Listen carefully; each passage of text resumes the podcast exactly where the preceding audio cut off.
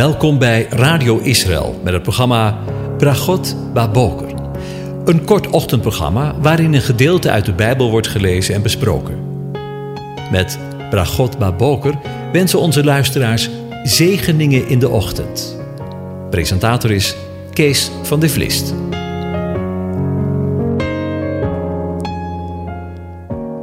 Goedemorgen, Bokatov, beste luisteraars. Ook vanmorgen denken we weer verder na over Psalm 105 en daarvan lees ik de versen 37 en 38. Hij leidde hen uit met zilver en goud. Onder hun stammen was er niemand die struikelde. Egypte was blij toen ze wegtrokken, want angst voor dit volk was op hen gevallen. Over overwinnaars gesproken nog een keer. Want in de volgaande afleveringen van dit programma hebben we eveneens met elkaar nagedacht over de overwinnaars.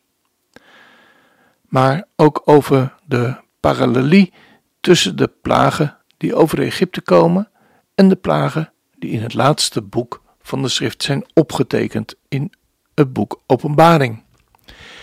De plagen die de eeuwige over deze aarde zal brengen.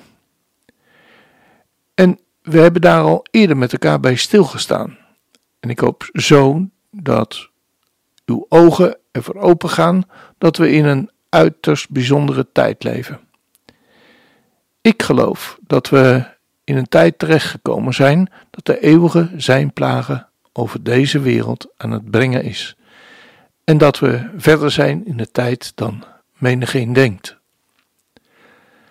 Dat hij, zoals hij voorzegd heeft in Openbaring 15, met zijn scherpe sikkel in zijn hand staat om, zoals de engel in Egypte, zijn sikkel uit te zenden en te maaien.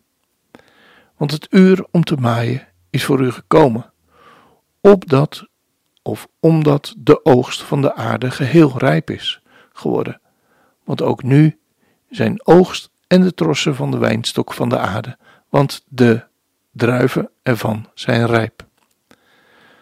Zullen we Gods woord zelf eens laten spreken? En ik zag en zie een witte wolk. En op de wolk zat iemand als een mensenzoon. Met op zijn hoofd een gouden kroon en in zijn hand een scherpe sikkel. En een andere engel kwam uit de tempel en riep met luide stem tegen hem die op de wolk zat: Zend uw sikkel uit en maai.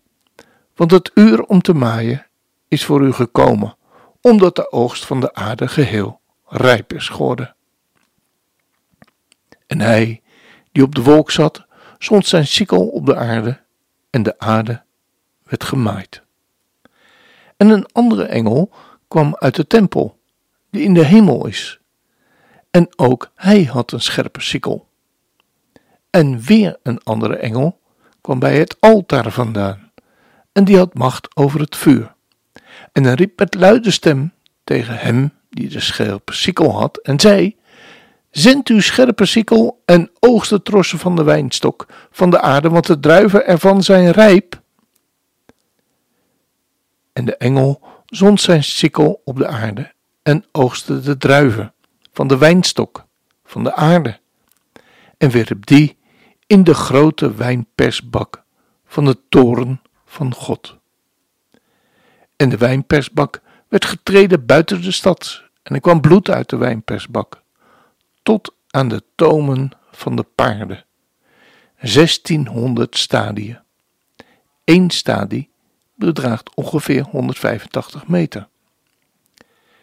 En ik zag een ander teken in de hemel, groot en wonderbaarlijk. Zeven engelen met de laatste zeven plagen. Want daarmee zal de toren van God tot een einde gekomen zijn. En ik zag iets als een glazen zee, met vuur gemengd. En dan komt het, en de overwinnaars van het beest, van zijn beeld, van het merkteken en van het getal van zijn naam, stonden bij de glazen zee met de cites van God. En zij zongen het lied van Mozes. Het lied van Mozes, de dienstknecht van God en het lied van het lam. met de woorden: Groot en wonderbaarlijk zijn uw werken, Heere, Almachtige God, rechtvaardig en waarachtig zijn uw wegen, Koning van de Heilige. Wie zou u niet vrezen, aanwezige, en uw naam niet verheerlijken? Immers, u alleen bent heilig, want alle volken zullen komen en u aanbidden, want uw oordelen zijn openbaar geworden. En daarna zag ik, en zie, de tempel van de tent van de getuigenis in de hemel werd geopend. En de zeven engelen en de zeven plagen hadden, kwamen uit de tempel gekleed in smetteloos en blinkend linnen en omgord met de borst met gouden gordels. En een van de vier dieren gaf de zeven engelen zeven gouden schalen, gevuld met de toren van God, die leeft tot in alle eeuwigheid. En de tempel werd vervuld met rook vanwege de heerlijkheid van God en vanwege zijn kracht. En niemand kon de tempel binnengaan voordat de zeven plagen van de zeven engelen tot een einde gekomen waren. Tot zover. Ja, als we dit lezen en op ons in laten werken en de werkelijkheid daarvan realiseren, dat dit zo dicht voor de deur staat, kan ons dat benauwen. Eerlijk waar. Wat een verschrikkelijke tijd staat er voor de deur. Maar er ligt ook een bemoediging in dit gedeelte. Gods woord is altijd, hoort u het, altijd een woord van hoop. Want we lazen ook, en de overwinnaars van het beest, van zijn beeld, van zijn merkteken en van het getal van zijn naam, stonden bij de glazen zee met citers van God. En zij, dus de overwinnaars van het beest, zongen het lied van Mozes, de dienstknecht van God, en het lied van het lam, met de woorden, Groot en wonderbaarlijk zijn uw werken, heren, almachtige God, rechtvaardig en waarachtig zijn uw wegen, koning van de heiligen. Zullen we eens naar dat lied luisteren? Dat lied van Mozes. En dat lied van de overwinnaars van het beest. We vinden het in Exodus 15. Toen zongen Mozes en de Israëlieten dit lied voor de Heer. Ze zeiden: Ik zal zingen voor de Heer, want Hij is hoog verheven. Het paard en zijn ruiter heeft Hij in de zee geworpen. De Heere, de aanwezige, is mijn kracht en mijn lied. Hij is mij tot hulp en tot heil geweest. Dit is mijn God, hem verheerlijk ik, de God van mijn vader, hem roem ik. De Heere, de aanwezige, is een strijder. Aanwezige is zijn naam. De wagens van de farao en zijn leger heeft hij in de zee geworpen. De beste van zijn officieren zijn verdronken in de Schelfzee. De watervloeden hebben hem bedolven. Ze zijn als een steen in de diepte gezongen. Uw rechterhand, aanwezige, was heerlijk in macht. Uw rechterhand, heren, verpletterde de vijand. In uw grote majesteit wierp u ter neer wie tegen u opstonden. U zond uw brandende toren, die hen als stoppels verteerde. Door de adem van uw neus is het water opgehoopt. De stromen stonden als een dam. De watervloeden zijn gestold in het hart van de zee. De vijand zei: Ik achtervolg hen, hou hen in en ik deel de buit. Mijn verlangen wordt aan hen vervuld, ik trek mijn zwaard, mijn hand roeit hen uit. Maar u hebt met uw adem geblazen. De zee heeft hen bedolven. Ze zonken als lood in machtige watermassa's. Wie is als u onder de goden aanwezige? wie is als u, verheerlijkt in heiligheid, ontzagwekkend in lofzangen. U die wonderen doet, u strekte uw rechterhand uit. En de aarde verzwolg hen. U leidde in uw goede tierenheid dit volk, dat u verlost heeft. U leidde hen zachtjes door uw kracht naar uw heilige woning. De volken hebben het gehoord. Ze sidderden. Angst heeft de inwoners van Filistea aangegrepen. Toen werden door schrik overmand de stamhoofden van Edom. De machthebbers van Moab greep huivering aan. Al de inwoners van Canaan die smolten weg van angst. Op hen viel verschrikking en angst. Door de grootheid van uw arm verstomde zij als een steen, terwijl uw volk aanwezigen er doorheen trok, terwijl dit volk dat u verworven hebt er doorheen trok. U zult hen brengen en hen planten op de berg die uw eigendom is, uw vaste woonplaats die u gemaakt hebt. Aanwezigen, het heiligdom, Heer, dat uw handen gesticht hebben. De Heer zal regeren, voor eeuwig en altijd.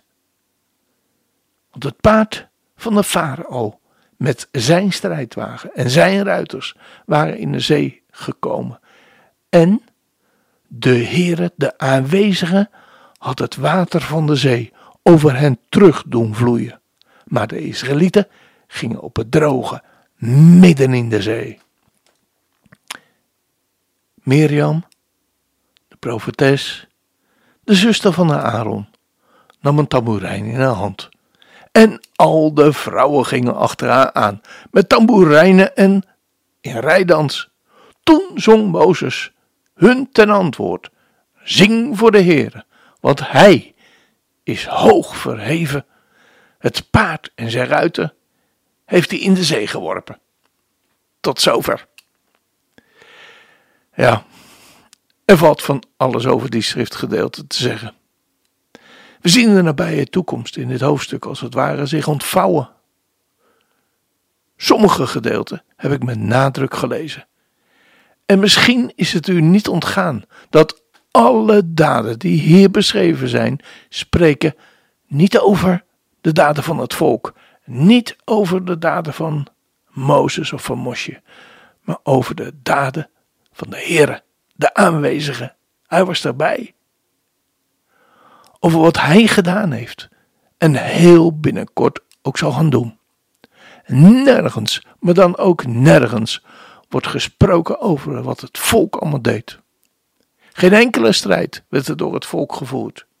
De Heere, de aanwezige, hij streed voor zijn volk en zal dat binnenkort ook opnieuw voor zijn volk doen, maar ook voor u en voor mij, nu al. En dat doet hij ook nu en vandaag. Maar ik heb het zojuist niet goed gezegd. Het volk deed toch niets, toch iets. Luister maar. De Israëlieten gingen op het droge, midden op de zee. Ze gingen op de weg die hij bereid had. Gewoon maar achter hem aan. Geen strijd. Niet God een handje helpen in zijn strijd tegen de farao en zijn trawanten. Nergens voor nodig. Hij is best in staat zelf de strijd te voeren. Oh ja, en dit deed het volk ook. Mirjam, de profetes, de zuster van Aaron, nam een tamboerijn in haar hand. En al de vrouwen gingen achter daaraan met tamboerijnen en in rijdans. Toen zong Mozes hun ten antwoord. Mirjam hen ten antwoord, moet ik zeggen, zing voor de Heere, want hij is hoog verheven. Het paard en zijn ruiter heeft hij in de zee geworpen. Lieve, lieve mensen, wat kan er in de nabije toekomst flink aan toe gaan hoor. Maar de overwinning staat vast. Groot en wonderbaar zijn uw werken, Heere God. Almachtige, rechtvaardig en waarachtig zijn uw wegen, gij koning van de volken. Wie zou niet vrezen en uw naam niet verheerlijken? Immers, u alleen bent heilig, want alle volken zullen komen en zullen voor u neervallen in aanbidding, omdat uw gerichten openbaar zijn geworden. Als dat geen zegen is.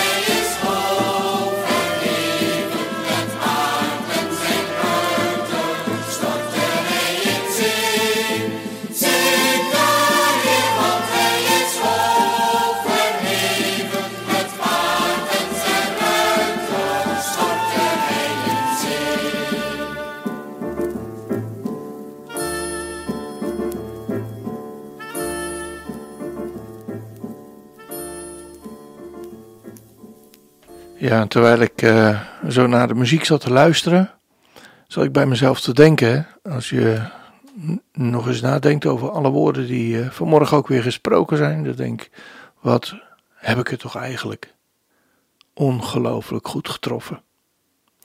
Dat, we, dat ik de Heere God heb mogen leren kennen in, in mijn leven. En ja, dat is eigenlijk met alle mensen zo die die Hem hebben mogen leren kennen. Wat zijn we begenadigd als we Hem, uh, ja, als we uh, Hem tot de Verlosser hebben mogen aannemen. En wat zijn we ongelooflijk arm als dat nog niet het geval is. Maar dat kan vandaag nog veranderen hoor. Als je je knieën buigt voor Hem. Als je je leven in Zijn hand wil geven. Niet Alleen je hart, maar ook je leven. Dat is ongelooflijk spannend. Want dan geef je je leven aan, uh, aan God en je weet niet wat hij ermee gaat doen.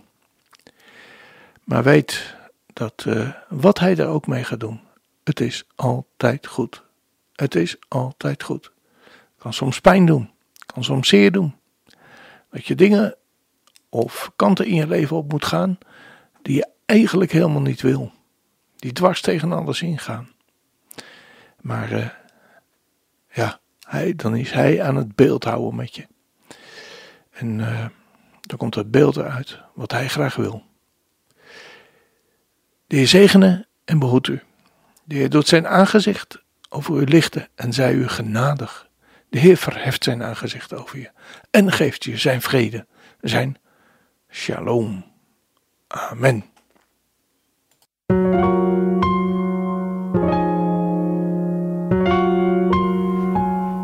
Hebt geluisterd naar het programma Bragot Baboker. Een kort ochtendprogramma waarin een gedeelte uit de Bijbel wordt gelezen en besproken. Wilt u het programma nog eens naluisteren, dan kan dat. Ga naar radioisrael.nl en klik onder het kopje radio op Uitzending gemist.